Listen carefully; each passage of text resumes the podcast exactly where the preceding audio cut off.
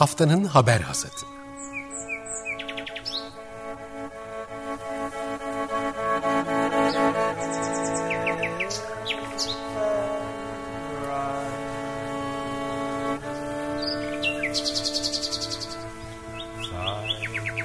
Haftanın öne çıkan iklim haberleri ve araştırmalarından okumalar ve yorumlar.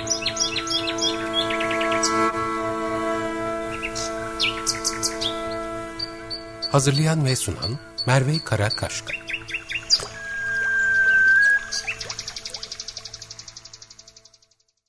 Günaydın. Açık Radyo'da Haftanın Haber Hasatı'na hoş geldiniz. Ben Merve Karakaşka.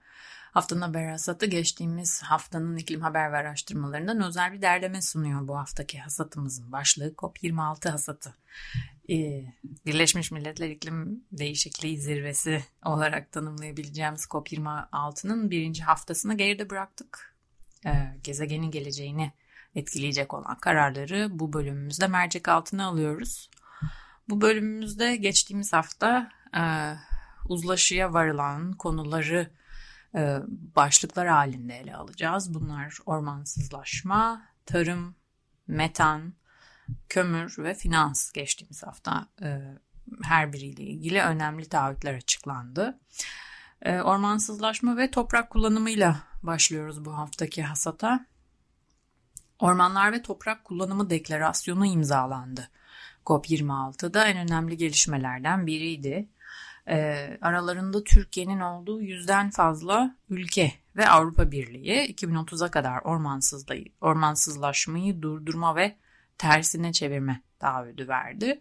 Deklarasyon Amazon yağmur ormanları, Endonezya ile Kongo havzasındaki tropik ormanlar ki bunlar dünyanın en büyük ormanları arasında 14 milyar dolarlık fonla korumaya alınmaya çalışılacak. Bu 14 milyar doların yaklaşık 12 milyar doları kamu fonlarından gelecek. Birleşik Krallık, Japonya, Amerika Birleşik Devletleri ve Almanya'nın olduğu 12 ülke ormanların korunması ve restore edilmesi için 2021-2025 yılları arasında toplam 12 milyar dolarlık destek sağlayacak ilgili ülkelere. Ee, özel sektör tarafında gelen e, fonlar destek şöyle dünya çapında yaklaşık 9 trilyon dolarlık varlığı yöneten 30'dan fazla finansal kuruluş 2025'e kadar yatırım ve borç portföylerinden tarıma dayalı ormansızlaşmaya bağlı fonları çıkaracaklarını taahhüt ettiler. 5 ee, ülke ve 17 filantropi fonu ise ormanların en iyi koruyucusu olan yerli halklara 1.7 milyar dolarlık destek sağlayacak. Yani aslında beklenen 2 milyar dolardı tam olarak toplanamadığı için 1.7'de kaldı. Yaklaşık toplam 10, 12 kamu 1.7'de buradan yaklaşık 14 milyar dolarlık fon sağlanmış oldu. Peki bu karar neden önemli?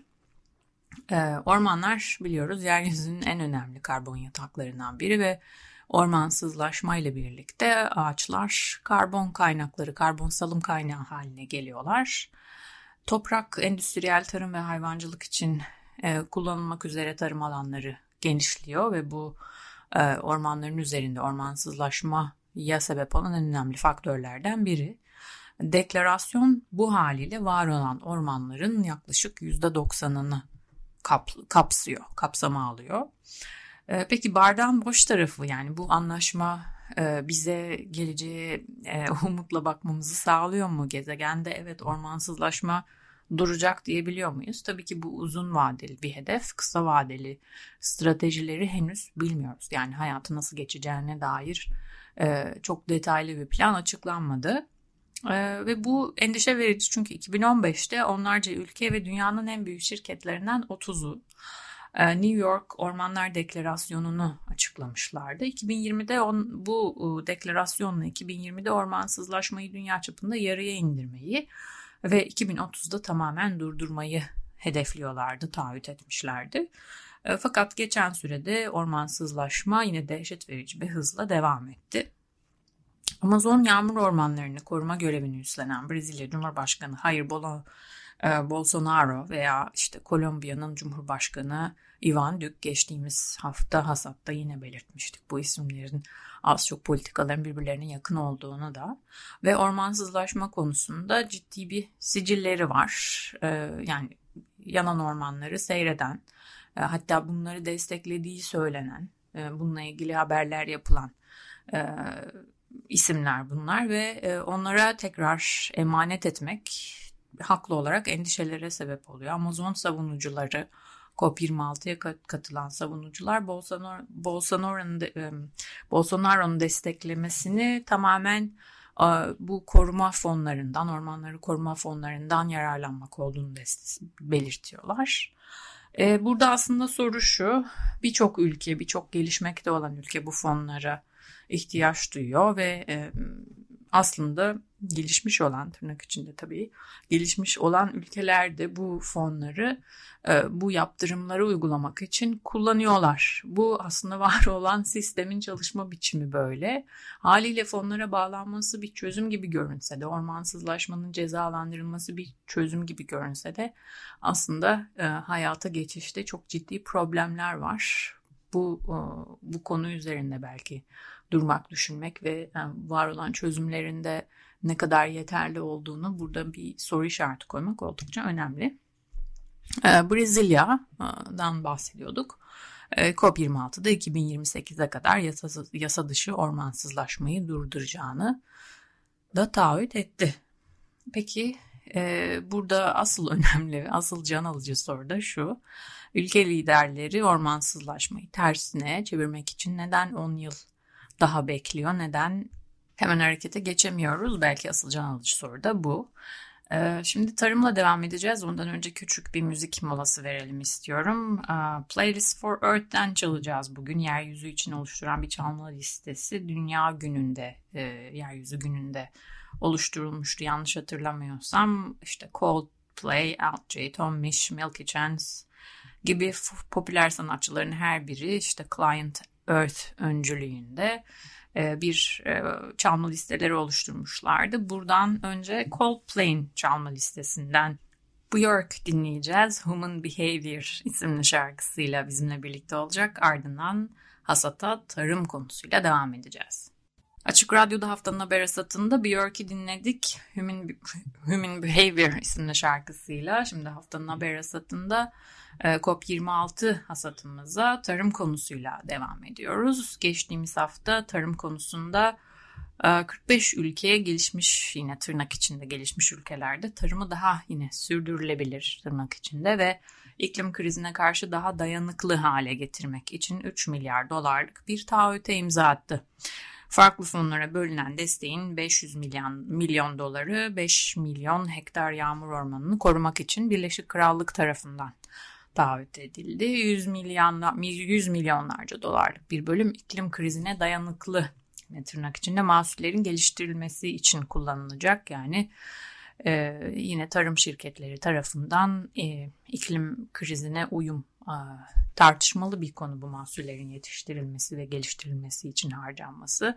Çünkü aslında karşı olan eleştirilen taraf şu e, iklim krizine aslında sebep olan bakış açısına e, aynı şekilde e, kurarak bir çözüm üretmeye çalışması belki bütün kopun problemi de bu olabilir ama burada da yine buna bir e, belki böyle bir açıklama yapma gereği duydum. Bunların yanında sürdürülebilir gıda zincirleri, cinsiyet eşitliği, biyolojik, biyolojik çeşitlilik ve gelişmekte olan ülkelerin tarımda daha sürdürülebilir yöntemlere gibi geçişi gibi böyle önemli konular var bu fonlarla desteklenen. E, gıda zincirindeki farklı sorunları adresliyor. E, biliyoruz ki bugün gıda zincirleri e, sera gazı salımlarının yaklaşık üçte birinden sorumlu. Birleşik Krallık merkezli 100 büyük şirket yine özel sektörden de taahhütler geldi. 2030'a kadar doğanın onarılması için çalışacaklarını ve doğa pozitif hale geleceklerini açıkladı. İşte bunun içinde çok böyle Britanya'nın sevdiği işte Sainsbury's, Marks and Spencer e, gibi şirketler var. Tesco e, daha çok işte Waitrose gibi böyle büyük e, süpermarket e, perakende zincirleri diyebiliriz e, imzaladılar bu deklarasyonu. Peki neden önemli? Ee, endüstriyel tarım ve hayvancılık topraklarımızı bugüne kadar görülmemiş bir hızda kaybetmemize sebep oluyor. Toprağın yeniden sağlığına kavuşması, önemli bir karbon yutağı olmasıyla iklim kriziyle mücadele için oldukça kritik. Bugünkü yaptığımız endüstriyel tarım toprağın karbon tutma kapasitesini tamamen tersine çevirip toprağı bir karbon salım kaynağı haline getiriyor. Bunda e, kullandığımız gübreler e, ciddi ölçüde toprağın verimini yitirmesine ve çoraklaşmasına sebep oluyor. Bununla birlikte tarım ve hayvancılığın doğayla uyum içinde yapılması gerekiyor. E, ve tüm bunlar yapılırken gıdaya erişim krizinin daha fazla derinleşmemesi gerekiyor. Bugün yaşadığımız pandemi e, hala post pandemi diye bir sonrası diyebiliriz ama hala içinde olduğumuz bu ekolojik krizde de zaten bunu görüyoruz. Ve yerel toplulukların nasıl destekleneceği e, bu tip önemli soruların adreslenmesi gerekiyor bu mutabakatlarla. Ee, söylediğim gibi gıda sistemleri dünya çapında şu an sera gazı salımlarının üçte birini oluşturuyor ki tarım aslında insanın toprakla e, bütünleştiği bir aktivite olması gerekiyor teoride. Ee, peki yapılan mutabakat bu, kadar önemli. Peki neleri adresleyemedi? Yani bardağın boş tarafına bakarsak burada ne var? Ee, öncelikle e, tarımsal, endüstriyel tarım ve hayvancılıkta en önemli sorun hayvancılık ve süt. E, yani et ve süt endüstrisi. Bunu birkaç hafta önce e, Açık Radyo'da e, ve haftanın haber esatında yiyenler ve yenilenenler böyle yenilen, yenilenler yiyenler ve yenilenler bölümümüzde e, bir çalışmayla desteklemiştik. Orada çok detaylı e, göstermişti Meat Atlas, Et Atlası çalışması bize e, bu e, genişlemenin ne kadar tehlikeli boyutlara ulaştığını ve bu yüzden de tam olarak anlaşmanın bu taahhüdün sorunu adreslediğine dair bir soru işareti var. Önemli bir soru işareti var. Çünkü et ve süte doğrudan bir müdahale, bir sınırlandırma getirilmiyor. Burada da tabii ki popülist kaygılar ön planda. Biliyorsunuz Joe Biden'ın böyle bir girişimi olduğu ıı, söylentisi bile Amerika'da işte daha fazla hamburger yemeyeceksiniz vesaire. Yani orada ıı, her ne kadar ıı, politikacıların işte oy kaybetme kaygıları devreye giriyor.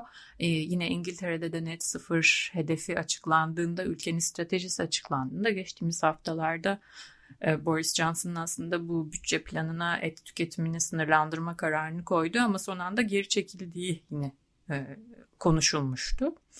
Ve fakat Meat Atlas çalışmasında, Et Atlası çalışmasında aslında artan bir kamuoyu desteği olduğunu da görmüştük ki zaten e, Birleşik Krallık'ta yine yapılan çalışmalar et tüketiminin gittikçe daha da azaldığını söylüyor. Yani aslında sivil toplumdan gelen bu bütün kampanyalar e, işe yarıyor kamuoyunda bir e, uyanışta söz konusu fakat söz konusu taahhüt bu yöndeki bir e, gelişmeyi, geliştirmeyi tam anlamıyla adreslemiyor. Nasıl uygulanacağını ise yine zaman içinde göreceğiz. E, COP26 hasatımızın devamında şimdi metanla ilgili taahhüte bakacağız. E, hatırlarsanız eğer e, geçtiğimiz Eylül'de 17 Eylül'de Amerika Birleşik Devletleri ve Avrupa Birliği önümüzdeki 10 yılda metan salımlarını 2020 seviyesine göre %30 azaltmak, üçte bir oranını azaltmak üzere bir anlaşmaya varmışlardı. O dönemde yapılan analizlerde bunun küresel düzeye ulaşmasında e, uza, ulaşmasının aslında ısıtma üzerinde çok ciddi etkide bulunabileceğini de belirtmiştik. Zirvede son olarak e, elimizdeki son güncellemelere göre ki burada sayıları lütfen e, kesin mutlak almayalım çünkü e, anlaşmalar ve pazarlıklar devam ediyor. Bu yüzden sayılar artıyor. İşte biz bugün 104 ülke diyoruz ama yarın e, umarız 106'ya çıkıyor veya farklı farklı sayılar değişebiliyor ve bu yüzde oranlar da değişiyor. Bu yüzden elimden geldiğince güncel verileri derleyerek burada e, sonuçları paylaşıyorum. Belki bunu not etmek gerekiyor. Zirvede son olarak 104 ülkenin imzaladığı anlaşmayla küresel metan salımlarının %40'ı taahhüt altına alındı. Bu neden önemli? E, şimdi metan gazı e, atmosferde kaldığı, atmosfere salınlandığı ilk 20 yıl boyunca karbondioksitin 80 katı kadar ısı tutuyor. Ee, ve e, küresel ısıtmayla eğer mücadele edeceksek metan kaynaklarını önce çok iyi anlamamız ve problemleri tespit etmemiz gerekiyor. Ee, metan kaynakları endüstriyel tarım, ve hayvancılık. Bu fosil yakıtların üretimi sırasında gerçekleşen sızıntılar ki bunlar ara ara bizim bültenlerimize de yansıyor. İşte Irak'ta, e, Rusya'da özellikle işte e, tesislerin uydu görüntüleri, uydular var özellikle bunları e, takip eden raporluyorlar ki metan ciddi ölçüde metan salımları gerçekleşti ki yakın zamanda Akdeniz'de de böyle bir şey yaşanmıştı. Sızıntılar var. İşte çeltik tarımı ve çöp sahalarına gönderilen atıklar. Aynı zamanda hidroelektrik santrallerde depolanan rezervuardaki sular ee, ve işte çeltik tarımı yapılırken e, toprağın su altında bırakılması oradaki işte maddelerin, organik maddelerin, bitkilerin çürümeye başlamasına sebep oluyor ve metan salımına e, metan salımı kaynağı haline getiriyor aslında doğanın, doğanın normal döngüsünde e, yaşamı e, diyelim ve metan salımları tarihsel olarak küresel ısınmanın 0.5 derecesine bugüne kadar sebep oldu. E, karbondioksitin e, peki kaynağı karbondioksitin sebep olduğu ısıtma ise 0.8 dereceydi. Yani metan salımları miktar olarak karbondioksitten belki çok daha düşük görünse bile aslında ısıtmaya çok daha ciddi dediğim gibi 80 kat daha fazla e, katkıda bulunuyor. Metan taahhütü küresel ısıtmayı 2050'de en az 0.2 derece düşürme potansiyeline sahip. Eğer sayı artarsa haliyle ülkelerin katkıları artarsa bu e, sayının artma olasılığı da yüksek. 0.2 çok ciddi bir ölçü çünkü biliyorsunuz 2 derece ile şu an 1,5 derece hedefinin gerçekleşip gerçekleşmeyeceği şüpheyle bakılıyor. Ancak hani 2 derece üst limit artık hedefleniyor. Ve 2 derece için 0.2 düşüş e, oldukça iyi görünüyor. Bardağın boş tarafında ne var? Küresel metan salımlarının yaklaşık üçte birine sebep olan üç ülke Çin, Hindistan ve Rusya metan taahhüdüne katılmadı. Taahhüt herhangi bir ülke tarafından adanmış hedefler ve politikalar belirlenmeden imzalanabiliyor. Yani herhangi bir ülke elini kolunu sallayarak Aa, tamam ben de imzalıyorum deyip geçebiliyor. Yarın öbür gün e, bunların nasıl takip edileceğini bilemiyoruz. E, kesintilerin planını bilmesi ve hayata geçirilmesi için daha bağlayıcı olması gerektiği de ortada. Sırada kömür var. Türkiye'de yakından ilgilendiren bir e, karar karardı kömür. E, fakat buna geçmeden önce müzik a, arası verelim, biraz e, dinlenelim. E, çünkü yoğun haberler ve yoğun bir gündemle gidiyoruz. E, yine yeryüzü için çalma listeleri Playlist for Earth'e dönüyorum. Orada Alcay'in listelerinde, listesinde e, Howlin' Wolf'un bir şarkısı var böyle biraz blues tınıları Go, Going Down Slow diyecek. Böyle biraz yavaş ve geriden geliyor zaten e, düzenlemeler. E, bunu belki ima ederek e, dinleyeceğiz. Ardından Hasata Kömür'le devam edeceğiz. Açık Radyo'da haftanın haber esatında Ablin Wolf'un Going Down Slow parçası bizimle birlikteydi. Playlist for Earth'ten bir parçaydı. Bu yeryüzü için çalma listelerinde. E, şimdi konumuza e, kömürle devam ediyoruz. COP26'da geçtiğimiz hafta 40'tan fazla ülke elektrik üretimi için kömür kullanmayı durduracağını beyan etti. Dünyanın kömür, kömürlü santralleri en fazla bağımlı olan 20 ülkesinden en az 5'i bugün itibariyle en az 5'i bu anlaşmaya taraf oldular. Bunlar arasında Kanada, Polonya, Ukrayna ve Vietnam gibi ciddi ölçüde kömürü endüstriyel e, üretim için tüketen ülkeler var. Anlaşmaya göre büyük ek- ekonomiler kömürü 2030'da gelişmekte olan ekonomiler ise 2040'da bırakacaklar. Bu 2050 e, net sıfır için bir yol haritası açıklayan Uluslararası Enerji Ajansı'nın da ülkelere e, önerdiği takvimdi. Buna uyumlu bir şekilde büyük ekonomiler 2030'da yine gelişmekte olan 2040'da tamamen terk ediyorlar. Ancak oradaki e, rehberde bugün itibariyle hiçbir şekilde yeni kömür e, santralinin kurulmaması tavsiye ediliyordu. E, kömürle ilgili finansal kuruluşun taahhütleri finans tarafından özel özel şirketlerden gelen taahhütte yüzden fazla finansal kuruluş kömür projelerini fonlamayı da durduracağını açıkladı. Şimdi kömürle ilgili neden önemli sorusu belki bizim en iyi bildiğimiz konulardan Türkiye'de biri olabilir.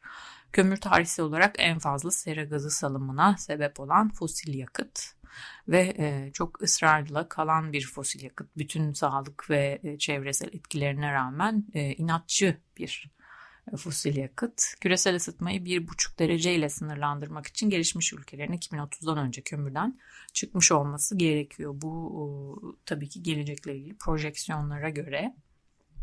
Bardağın boş tarafında e, ne var? Enerji üretimi için en fazla kömür kullanan ilk üç ülke Çin ki e, dünyadaki kömür tüketiminin yarısından fazlasını tek başına yapıyor. Hindistan ve Amerikan Birleşik Devletleri şaşırtıcı derecede bu şaşırtıcı bir kararla imzalamadı bu anlaşmayı. E, Türkiye'de bu anlaşmaya taraf olmadı. Ee, yeni bir analize göre karbon salımlarının yeniden artmaya başlamasıyla dünya atmosferdeki karbondioksit yoğunluğu açısından pandemi öncesi seviyeleri yakalama yolunda hızla ilerliyor. 2021'de fakat daha da geçeceği de düşünülüyor bu öyle giderse.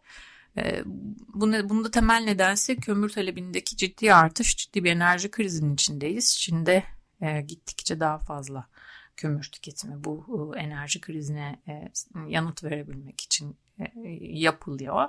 PBS News'un bir kömür belgeseli var. Bu belgeselde yakın zamanda yayınlandı.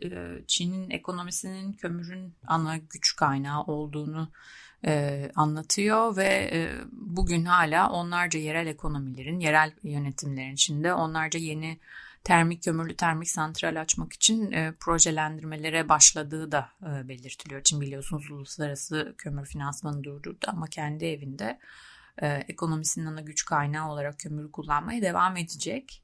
E, ve e, burada e, ilginç bir not var. Bunu bu alıntıyı ben e, aklımda bayağı bir yer etti bu e, belgeseli dinlerken. E, şöyle bir şey söylüyor. Yerel e, olarak Türkiye'de de benzer bir durum var. Zonguldak'taki maden işçilerini de konu alıyor belgesel ve adil bir dönüşüm gerektiğine altını çiziyor aslında Çin'de de. Çünkü Türkiye'dekinden çok daha fazla kişi Çin'de kömür ekonomisinden hayatını, geçimini sağlıyor. E, ve insanlar e, açlıkla sınanırken onlardan e, iklim diyeti yapmasını isteyemezsiniz diye bir alıntı geçiyor. Bu oldukça önemli ve günümüzün durumunu da çok iyi özetliyor. Bu adaletsizliği en önemli adresleyecek konu e, COP26'da ise finanstı. 20'den ee, fazla ülke ve finansal kuruluş 2022'den itibaren deniz aşırı fosil yakıt projelerini fonlamayı durduracağını açıkladı. Aralarında Birleşik Krallık, Danimarka ve Kanada'nın olduğu ülkeler yatırımlarını yenilenebilir enerji projelerine yönlendirecekler. 500 global finans şirketi portföylerindeki toplam 130 trilyon dolarlık finansal varlığı 2050'de net sıfır iklim hedefleriyle uyumlu hale getirmeyi de taahhüt etti. Gelişmekte olan ülkelerde adil bir dönüşme destek olması için gelişmiş ülkeler tarafından taahhüt edilen ancak bugüne kadar gerçekleşmeyen ve COP26 öncesinde 2023'e kadar gerçekleşmeyeceği de söylenen bu 100 milyar dolarlık iklim finansmanının 2022'de dağıtılma umudu geldi. Hem e, Avrupa Birliği'nden hem de Amerika Birleşik Devletleri'nden bunun olması yönünde yeşil ışıklar, umut sinyalleri verildi. E, bu neden önemli? İklim finansmanı, finans konusunda verilen taahhütler neden önemli? E, öncelikle küresel kuzeyin aslında iklim küresel ısınmanın en fazla pay sahibi olduğunu biliyoruz. Krizin en çok etkilenen küresel güneye e, fosil yakıtları bırakmak, işte az önce bahsettiğimiz kömür gibi. E, azaltım ve iklim krizinin etkilerine uyum süreçlerinde ciddi bir e, sorumluluğu var. Çünkü e, şöyle bir e, durum var. Türkiye'de de biliyoruz. Dünya genelinde de gelişmekte olan ülkeler geliş her halükarda e, gelişmişlikleri bu kalkınma hikayesinde e, devam ettirebilmek için dış borca büyük ölçüde bağımlılar. Yani işte kuze, küresel kuzeyden gelecek olan fonlara, yatırımlara mahkumlar. Büyümek ve kalkınmaya devam edebilmek için, var olmak için. Fakat e, bu fonların ülkeye girişleri e, iklim kriziyle birlikte ciddi bir risk lerle ciddi risk altında. Çünkü ülkelerin iklim risk, risklerine maruz kalma oranları gelişme gelişmiş olan ülkelere göre gelişmiş ülkeler kendilerini sağlama alma konusunda tabii ki daha iyiler. Haliyle bir kısır döngü meydana geliyor. Yani gelişmekte olan ülkeler hem iklim konusunda daha risk altındalar hem de kendilerini güvenceye alacak fonlara erişimleri daha da düşük. Yani iklim adaptasyonu için gereken teknolojileri hayata geçirme veya işte altyapıyı hayata geçirme şansları daha yüksek. Bu da zaten iklim yatırımı tuzağı denilen bir tuzak olarak tanımlanıyor araştırmalarda. Bunun kırılması için bu e, kısır döngünün kırılması için e, radikal yatırımlara ihtiyaç olduğu da belirtiliyor. İklim finansmanı bu yüzden önemli. Ama 2022'den e, önce de hiçbir ülkeye gelmeyecek. Bu da en çok belki tepki alan konuşmalardan ya da taahhütlerden biriydi diyebiliriz. Özellikle aday ülkelerinin e, acilen yardıma ve desteğe ihtiyacı olduğu düşünüldüğünde. E, bardağın boş tarafı yani bardağın belki dolu tarafını burada konuşmak bile daha iyi olabilir ama bu taahhütte bardağın boş tarafı ülkelerin deniz aşırı projeleri e, işte fosil yakıt projelerini fonlayamazken kendi evlerinde petrol ve gaz üretimine devam edebilmeleri önemli bir sorun. E, projelerin önemli destekleyicilerinden Çin ve Japonya mutabakata katılmadı. Yani onlar deniz aşırı fosil yakıt projelerini destekleyebilecekler. Yani gaz ve petrol diye sınırlayabiliriz burada finans şirketlerinin net sıfır hedefi vermesi işte hani dünya çapında 130 trilyon dolarlık finansal varlığın net sıfır hedefi koyması da yatırımcıların fosil yakıtlara yatırım yapamayacağın anlamına gelmiyor. Bu konuda bir sınırlama da yok. Bağlayıcılık sorunu burada da mevcut. Hasatta son olarak ülkeler bazında gelişmeler var. Onlara bakacağız. E, en başta Hindistan e, dünyanın en büyük üçüncü karbon e, salımı yapan ülkesi. 2070'te net sıfıra ulaşacağını taahhüt etti.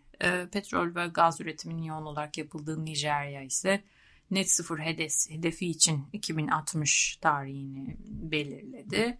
Diğer yandan elektrik üretiminde dünyanın en karbon yoğun ülkesi olan Güney Afrika'ya 8,5 milyar dolarlık bir adil geçiş e, fonu oluşturulduğu açıklandı. Ve e, tüm bu tüm bu açıklamalar e, şu anda e, Uluslararası Enerji Ajansı'nın Perşembe günü yayınladığı bir rapora göre küresel ısıtmayı 1.8 dereceyle sınırlama potansiyeline sahip. Tüm bu bahsettiğimiz ormansızlaşmadan finansa ve ülkeler tarafından yenilenen bu beyanlar e, işte net sıfır beyanları e, küresel ısıtmayı 1.8 dereceyle sınırlayabilir. Tabi buradaki referans noktamız COP26'dan hemen önce açıklanan bir Birleşmiş Milletler raporu. raporu. Buna göre ülkeler e, dünyayı 2.7 derecelik ısıtma patikasında ilerletiyorlardı. Şimdi bu ülkelerin taahhütleri bu 2 derece hedefini en azından tutturabilecek gibi görünüyor. Tabii burada önemli bir koşul bunların e, kusursuz bir şekilde var bu edilen taahhüt edilen politikaların kısa vadede hemen uygulanmaya başlanması. E, fakat e, ne derece mümkün bunları biraz daha belki iklim krizinden mağdur olan ülkelere, insanlara dinlemek gerekiyor. COP26'nın en önemli başarısı belki işte bu insanları bir araya getirmesi, liderlerin işte hani alıntılaya, alıntılayarak söylersem gözlerinin birbirinin gözlerinin içine bakarak belki konuşmaları yapması her ne kadar bazı liderlerin bu etkileyici konuşmalar sırasında uyuduğunu da görsek en azından teoride bunun böyle olduğunu düşünmek e, düşünülüyor. E, kuraklık nedeniyle iklim krizine karşı kıtlık felaketini yaşayan Madagaskar'ın Çevre Bakanı geçtiğimiz gün Guardian'a konuşmuştu ve küresel kuzeyin ucuz uçuş tutkusunun bedelini ülkesinin ödediğini söyledi. Avrupa Birliği ve Avrupa Toprakları Kıta Avrupası için de işte örnek olarak Birleşik Krallık'tan İspanya'ya uçakla gitmek gibi aslında birbirine çok yakın olan coğrafi olarak zaten e, bir e, yakınlık söz konusu ülkeler arasında bu seyahatlerin e, ciddi bir karbon salımına sebep oldu ve bunun bedelini ülkesinin ödediğini söylüyor. E, kendilerinin ülkesinde kuraklıkla mücadele edecek sulama borularını bile finanse edemediklerini, bunun için bu 100 milyar dolarlık fonlara ciddi ölçüde ihtiyaç duyduklarını belirtiyor. Bir diğer önemli e, konu COP26'da iklim için birleşen 500'den fazla ebeveyn grup anneler ki aralarında e, yanlış hatırlamıyorsam 2019 yılında Londra'da ilk hava kirliliğiyle bağlantılı ölüm olarak atfedilen kız çocuğunun annesi de var. E, bu grupların temsilcileri özellikle kirli havanın çocuklarımızı öldürmeye devam ettiğini de belirtiyorlardı. Fosil yakıtlarla ilgili e, bütün tartışmaların aslında belki kafamızda somutlaşmasını sağlayacak çok önemli figürler, çok önemli şeyler söylüyorlar COP26'da. Tüm bunlara rağmen umut var mı? COP26 12 Kasım'da sona eriyor. Aslında bu biraz da bizim hangi bardağın hangi tarafına odaklandığımıza bağlı.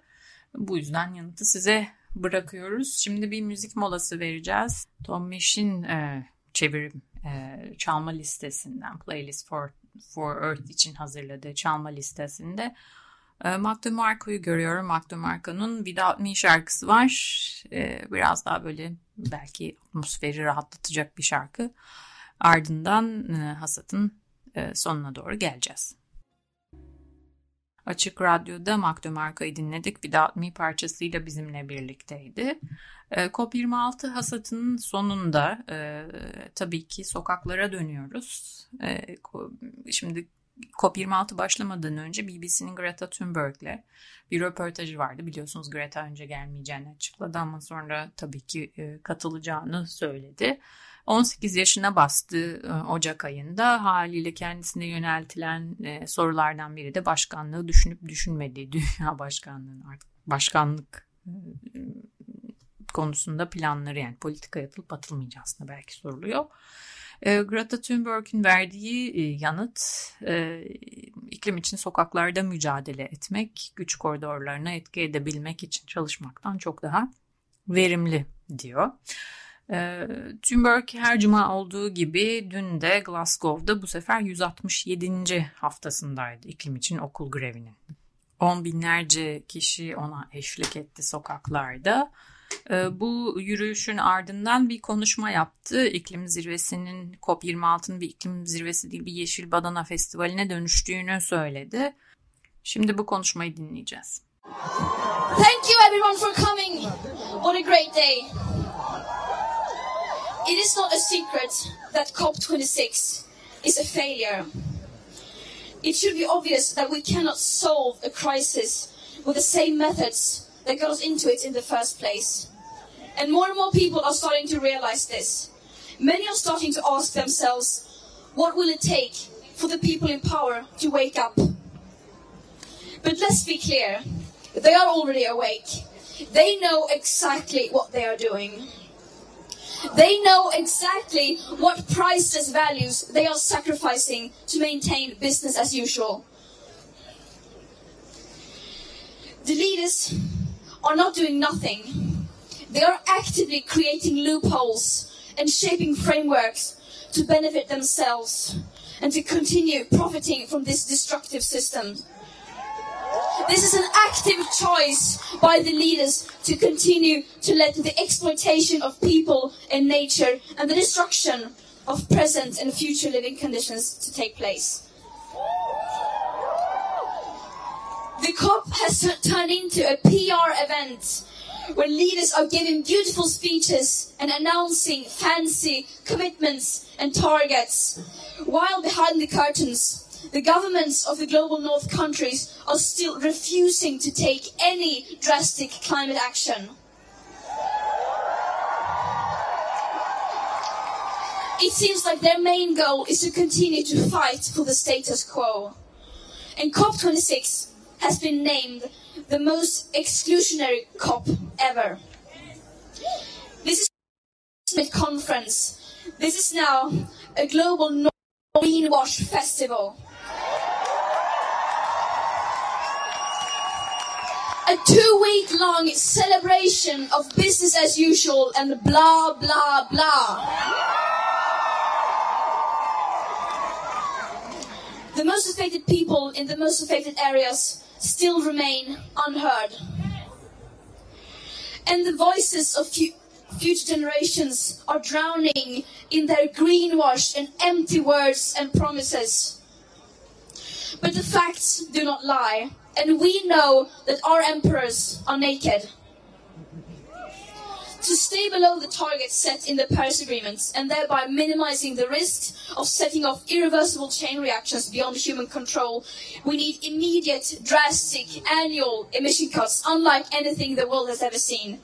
And as we don't have the technological solutions that alone will do anything even close to that, that means we will have to fundamentally change our society. And this is the uncomfortable result of our leaders' repeated failure to address this crisis. At the current emissions rates, our remaining CO2 budgets to give us the best chances of staying below 1.5 degrees Celsius will be gone within the end of this decade.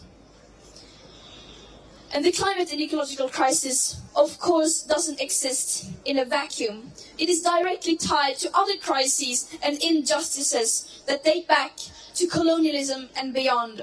Crises based on the idea that some people are worth more than others and therefore have the right to steal others, to exploit others, and to steal their land and resources. And it is very naive of us to think that we could solve this crisis without addressing the root cause of it. But this is not going to be spoken about inside the COP. It's just too uncomfortable. It's much easier for them to simply ignore the historical debt that the countries of the global north have towards the most affected people and areas.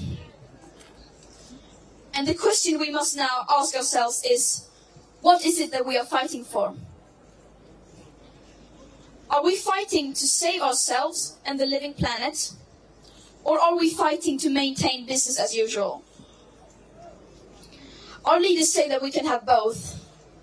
But the harsh truth is that that is not possible in practice. The people in power can continue to live in their bubble filled with their fantasies, like eternal growth on a finite planet and technological solutions that will suddenly appear seemingly out of nowhere and will erase all of these crises just like that. All this while the, while the world is literally burn, burning on fire and while the people living on the front lines are still bearing the brunt of the climate crisis. They can continue to ignore the consequences of their inaction, but history will judge them poorly, and we will not accept it.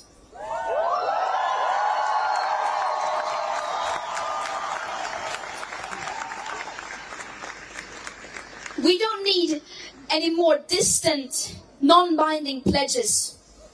We don't need any more empty promises. We don't need any more commitments that are full of loopholes and incomplete statistics and that ignore the historical emissions and climate justice. Yet, that is all that we are getting. And no, that is not radical to say. Just look at their track record. They have had 26 COPs. They've had decades of blah, blah, blah. And where has that led us? Over 50% of all our CO2 emissions have occurred since 1990 and about a third since 2005. All this while the media is reporting on what people in power say that they are going to do rather than what they actually do. Time and time again, the media fails to hold the people in power responsible for their action and inaction. As they as they continue to expand fossil fuel infrastructure, opening up new coal mines, coal power plants, granting new oil licenses, and still refusing to do even the bare minimum, like delivering delivering on the long promised climate finance for loss and damage to the most vulnerable and least responsible countries. This is shameful.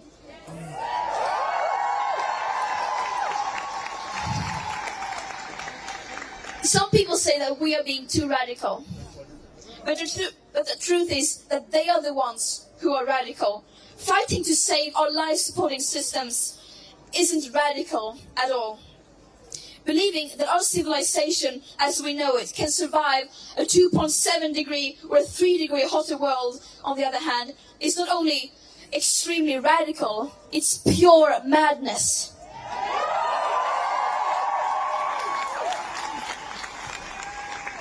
Out here, we speak the truth.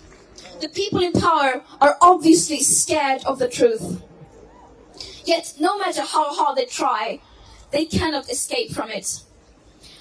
They cannot ignore the scientific consensus, and above all, they cannot ignore us, the people, including their own children. They cannot ignore our screams as we reclaim our power. We are tired of their blah blah blah. Our leaders are not leading. This is what leadership looks like.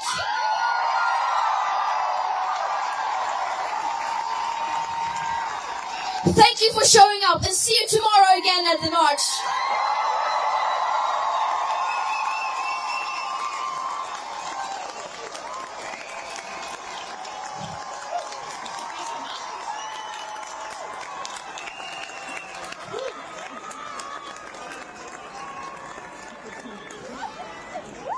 You all so much for coming. That was incredible to hear. I'd like to invite the group from Fridays for Future Glasgow, who are responsible for organising this incredible day.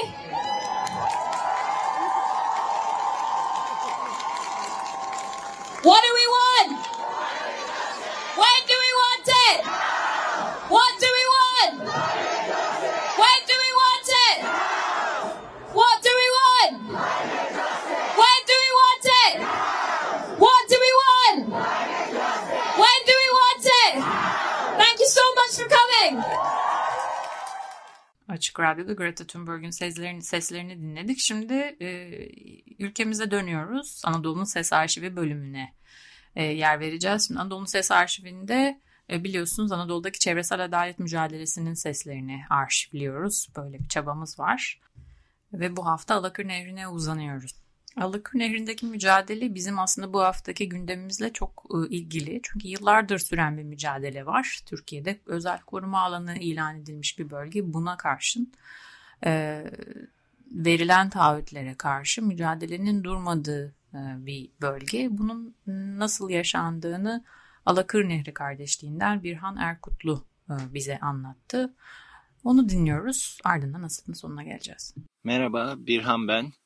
E, 2004 yılından beri eşim Tuğba ile birlikte Alıkır Vadisi'nde e, yaşıyoruz. E, doğayla uyumlu bir yaşam eldesi için buraya gelmiştik.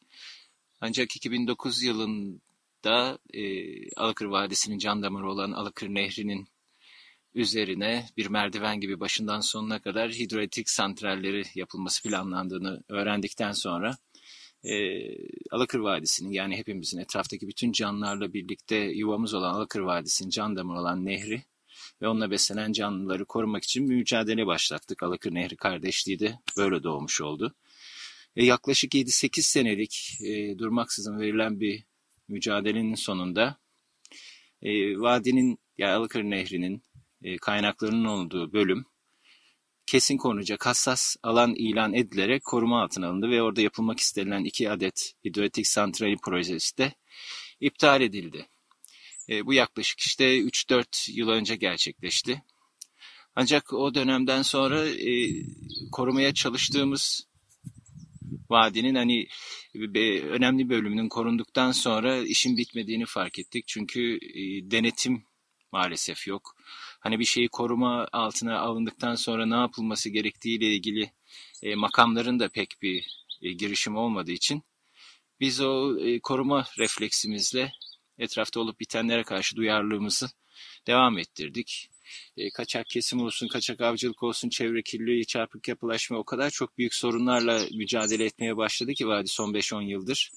En sonun en sonda e, vadinin yine yani Alakır Nehri'nin kaynaklarının olduğu e, Doğankaya ve Yılanlıkaya ormanlarının içinden bir yangın yolu açılacağı bize söylendi orman yani Kumluca Orman İşletme Memurları tarafından. E tam da bu işte o maalesef hala içinde acımızı, acısını taşıdığımız o Manavgat'ta ve birçok yerde olan e, büyük, ya yani ülke tarihinin en büyük orman yangınlarının gerçekleştiği döneme denk geldiğinden de aslında pek fazla da karşı çıkamadık. Çünkü hani e, orman yangını, iklim kriziyle birlikte bir gerçek. Hani burada yani yaşadığımız bu bölgede e, dediğim gibi o Doğankaya ve Yılanlıkaya ormanlarının e, tarihinde hiçbir yangın olmamasına rağmen hani bir önlem olarak görüldüğünü düşünüp e, bir de etrafa da soruşturduk, soruşturduk hani bununla ilgili neler yapılabilir, nasıl bir prosedür izleniyor, hani orman yapısına ve bütünlüğüne zarar vermeden nasıl bu yol açılabilir diye araştırma yapıldı. Karşılıklı da bunu konuştuğumuz zaman çok da makul ilerlediğini düşündük sürecin. Çok itinalı ve hassas davranılacağını, e, sivil araç ve sivil insan girişini engellemek için bu yangın yolunun giriş ve çıkışlarına e, engelleyici bariyer konup hatta kameralar yerleştirilip e, kontrol altında tutulacağı bize söylendi. Çünkü hepimiz tahmin edebiliriz ki yani orman yangınlarının %90'ından fazlası insan kaynaklı. Burası da Alakır Vadisi'nin son kalan yaban ormanlarından. İçinde çok büyük bir canlı çeşitliliği var. Ee, ve onların yuvası bu orman. Ve hiç el değmemiş bir orman bu. Yaban bir orman. Ve onun ortasından e, hangi amaçlı olursa olsun ağaçları keserek bir yol açılması e, sonuçta e, ormanın bütünlüğünü bozup oradaki canlıların e, yaşam kalitesini düşüreceği için, rahatsızlık vereceği için endişe duyuyorduk ve maalesef e, bu çalışma başladıktan sonra oraya gittiğimizde e, ne yapıldığını görmek için gittiğimizde adeta şok olduk. Bir yol açılacağını tabii tahmin ediyoruz ama bu yolu yol yıkımının böyle açılacağını, bu kadar hunharca etrafı yani e, yok ederek e, yapılacağını bu kadar da öngörmemiştik açıkçası. Çünkü bize söylenen, bizi telkin eden e, memurların verdiği bilgi bu yönde değildi.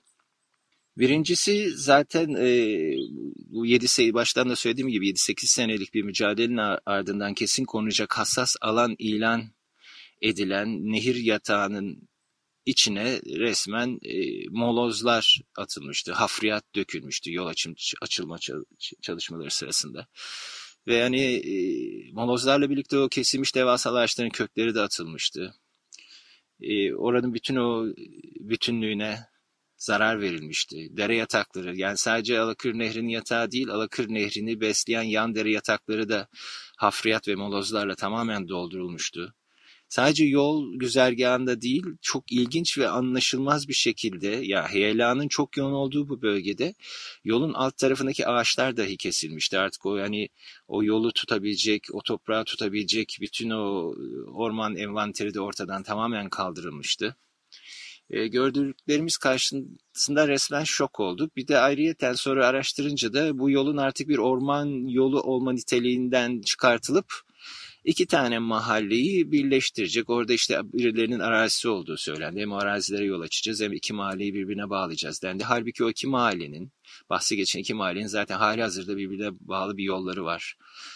Hani bilmiyoruz tabii tam niyet kimseyi e, suçlamak gibi olmasın. Ama hani bu artık orman yangın yangın yolu niteliğinden tamamen çıkıldı ve yapım aşamasına dahi inanılmaz zararlar verdiği ortadaydı. Halbuki çok ironik olarak sosyal medyada da paylaştık. Yani e, orada daha yap, yol yapım çalışmaları sırasında kesilen ağaçların tam ortasında, o kesilmiş ve kurumaya başlamış o kuru dalların ortasında çalışanlar tarafından atılmış e, benzin ve yağ kutuları, plastik e, çöpler bulduk ki e, yani gelecekte bu artık hani e, sanki oraya bir düzenekli ev yapımı bomba gibi bırakılmış durumda duruyordu. Sanki hani hiç bu konuda bilgisi olmayan bir insan maksatlı bile yapılmış olduğu düşünüyorum ama tamamen bir cahillik, vurdum duymazlık ve denetimsizlikten oluyor bunlar.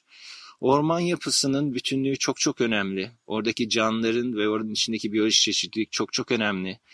Ee, buradaki değirmenci Hamide teyzemizin hep zamanında da söylediği gibi suyun gözüne mutlaka yağar dediği o Alakır Nehri'nin ya Alakır Vadisi'nin can damarı olan Alakır Vadisi'nin yaşam kaynaklarının olduğu bölgeti, o, bölgedeki ormandan bahsediyoruz. Yani çok klasik bir bilgi, su döngüsü. O ormanlar yağmur çekiyor ve o su kaynakları doluyor ve bu su kaynakları sadece bu koca vadideki tüm canlıların tek yaşam kaynağı olmasından öte Kumluca gibi büyük bir e, ilçe nüfusunun tüm e, evsel ihtiyacını karşıladığı gibi aynı zamanda tarımsal ihtiyacını da e, karşılayan kaynak suyu Alakır Nehri. E, gerekli yerlere tabii her zamanki gibi girişimlerimizi yaptık Cimer üzerinden ve Change.org üzerinden de bir imza kampanyası başlattık. Yine ilgili kuruma iletilmesi üzerine. E, taleplerimiz hani baştan söylendiği gibi en azından e, bu e, açılmış haliyle bu yolun hani o iki maliyi birleştirmeden en azından e, orman yangını yolu olarak kalacak bir şekilde e, bu yol yapım çalışmanın artık bir eko kuruma e, dönüşen bu yol yapım çalışmasının derhal durdurulması e, ve baştan da söylendiği gibi giriş ve çıkışını e, kapatarak sivil araç ve insan girişine kapatarak e, yolda o yolun e, kontrol altında tutulması, giriş ve çıkışlarının ve o yani kesin konacak hassas alana hafriyat atılması ile ilgili de sorumlular hakkında e, mutlaka gerekli işlemlerin yapılması ve bir örnek e, teşkil etmesi artık yani bu yapılan işlerin bu kadar yani çok hassas olduğumuz bu dönemde yani iklim kriziyle zaten biz son 10 senedir inanılmaz bir mücadele ediyoruz. Tarımsal anlamda kendi çünkü burada kendi ellerimizle bir yuva oluşturduk. E, tarım yapmaya çalışıyoruz. Ya olabildiğince e, doğaya az zarar vererek az ayak izimizle yaşamaya çalışıyoruz ama etrafımızda gördüklerimiz bunun tam zıttı ve korkunç bir şekilde bir e, eko kırıma ya tamamen bir yok oluşa doğru sürüklendiğimiz farkındayız ve bunları e, elimizden gelende yapmaya çalışıyoruz. Ve etrafımızda hani direkt böyle bizim gibi 7-24 bunlara şahit olmayan insanlardan, eşlerden, dostlardan, kardeşlerden tek dileğimiz de hani bizim buradaki mücadelemize, diğer bir sürü yerdeki gibi mücadele eden yereldeki insanlara destek olmaları. Bunun için yapılabilecek şeyler işte sosyal medya hesaplarımız var Alakır Nehri kardeşliği olarak onları takip etmeleri. E, oradan biz bazen işte niyetlerde, isteklerde, dileklerde bulunuyoruz. Bu son e, gelişmeyle ilgili yaptığımız gibi bir imza kampanyası olabilir ya da CİMER'e verilebilecek bir şey olabilir. Yani açıkçası zor dönemler geçiyor. Sadece Alakır özelinde değil tüm dünyada. Yani nerede olursa ol, olalım. Yani biz Amazonların derinliklerine de gitmiş olsaydık ya da Himalaya dağlarına da çıkmış olsaydık bundan 20 yıl önce doğayla uyumlu bir yaşam kurmak için maalesef bunlarla karşılaşacaktık. Hani bunu e, karşılaşmamak için ancak kör, sağır ve dilsiz olmanız lazım. Yani doğanın her bir köşesi şu anda şantiye alanı gibi. Hani doğada e, yaşam olarak romantize edilebilecek hiçbir şey kalmamış durumda artık. Mümkün değil. E, birazcık doğada çok ufak bir farkındalıkla yaşayan herkesin çok kolaylıkla algılayabileceği bir gerçeklik var. O da inanılmaz bir kıyım içerisindeyiz. Yani dağlar oyuluyor, ormanlar kesiliyor, nehirler kurutuluyor ve bu kesinlikle ve kesinlikle sürdürülebilir bir şey değil. Mutlaka ve mutlaka bir şeyler yapılması gerekiyor. Bunu da hep beraber el birliğiyle birlik içinde yapabileceğimizi düşünüyoruz biz. Herkes kendi etrafında olup bitenlere karşı duyarlılık gösterirse yani en azından bu duyarlılığa sahip insanlara yardımcı olursa 7-24 e, yalnız başına doğanın ortasında bir takım şeylere maruz kalarak hepimizin ortak geleceği, gelecek e, nesiller için bir şeyler yapmak, yapmaya çalışan insanlara destek olursa bir farkındalık yaratıp bu kötü gidişatı durdurabileceğimize inanıyoruz. Yani umut her yerde. Yani doğaya biz burada baktığımızda hep umut görüyoruz. Yani hiç umutsuz kuş, umutsuz balık, umutsuz ağaç görmedik. Doğa her zaman her zaman beslemeye, üretmeye, her zaman yaşamaya ve pozitife yönelik bir yuva. Bizim de yaşamsal refleksimiz herhalde. Gördüğümüz şeylere karşı kayıtsız kalamıyoruz. Ve herkesten de tek dileğimiz olabildiği kadarıyla bu gidişata karşı bir şeyler yapmak. En azından kendi elimizdeki ne varsa imkanlarımız bireysel olarak az ya da çok demeden onu sonuna kadar yapmak. Herkese sevgiler Alakır'dan. Açık Radyo'da haftanın haber asatında Alakır Nehri kardeşliğinden Birhan Erkutlu'yu dinledik. Taahhütlerle koruma altına alınan bölgeler COP26 e, zirvesi içinde oldukça kritik. Bu bölgelerde aslında neler yaşandığını e, anlamak ve neler yaşayacağımızı gibi olduğunu görmek için de oldukça önemliydi söyledikleri. E, COP26 E, hasatının son bölümünde burada sergilenen önemli bir iş var. Çok sayıda yaratıcı iş de sergileniyor. E, görsel sanatçı ve yazar Oliver Jeffers'ı duymuş olabilirsiniz. Yeryüzü hikayelerini çocuklara ve muhtemelen yetişkinlere de aktarmakta haklı bir üne sahip. COP26'da Jeffers'ın Yeryüzünde Yaşamak için Notlar kitabından esinlenen insanlar burada yaşıyor. Ee, adında bir yeryüzü görselleştirmesi var. Birçok kişi bunun e, kendilerini çok hüzünlendirdiğini paylaşmışlardı COP26'daki tweetlerinde. Çocuklara anlatımdaki başarısı belki dolaysızlığı e, Oliver Jeffers'ın e, unuttuğumuz bazı konuları dolaysız bir şekilde aktarıyor. Bu görselleştirmede onlardan biri çocuklarınız için de tanıtması oldukça keyifli bir yazar olabilir. Bu vesileyle bunu da e, tavsiye edelim ve hasatın sonuna gelelim. E, önümüzdeki hafta daha iyi haberlerle görüşmek üzere. Hoşçakalın.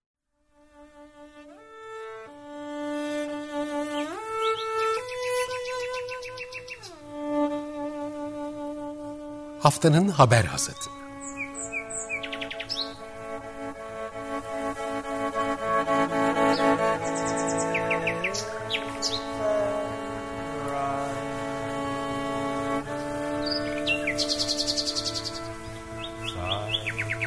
Haftanın öne çıkan iklim haberleri ve araştırmalarından okumalar ve yorumlar.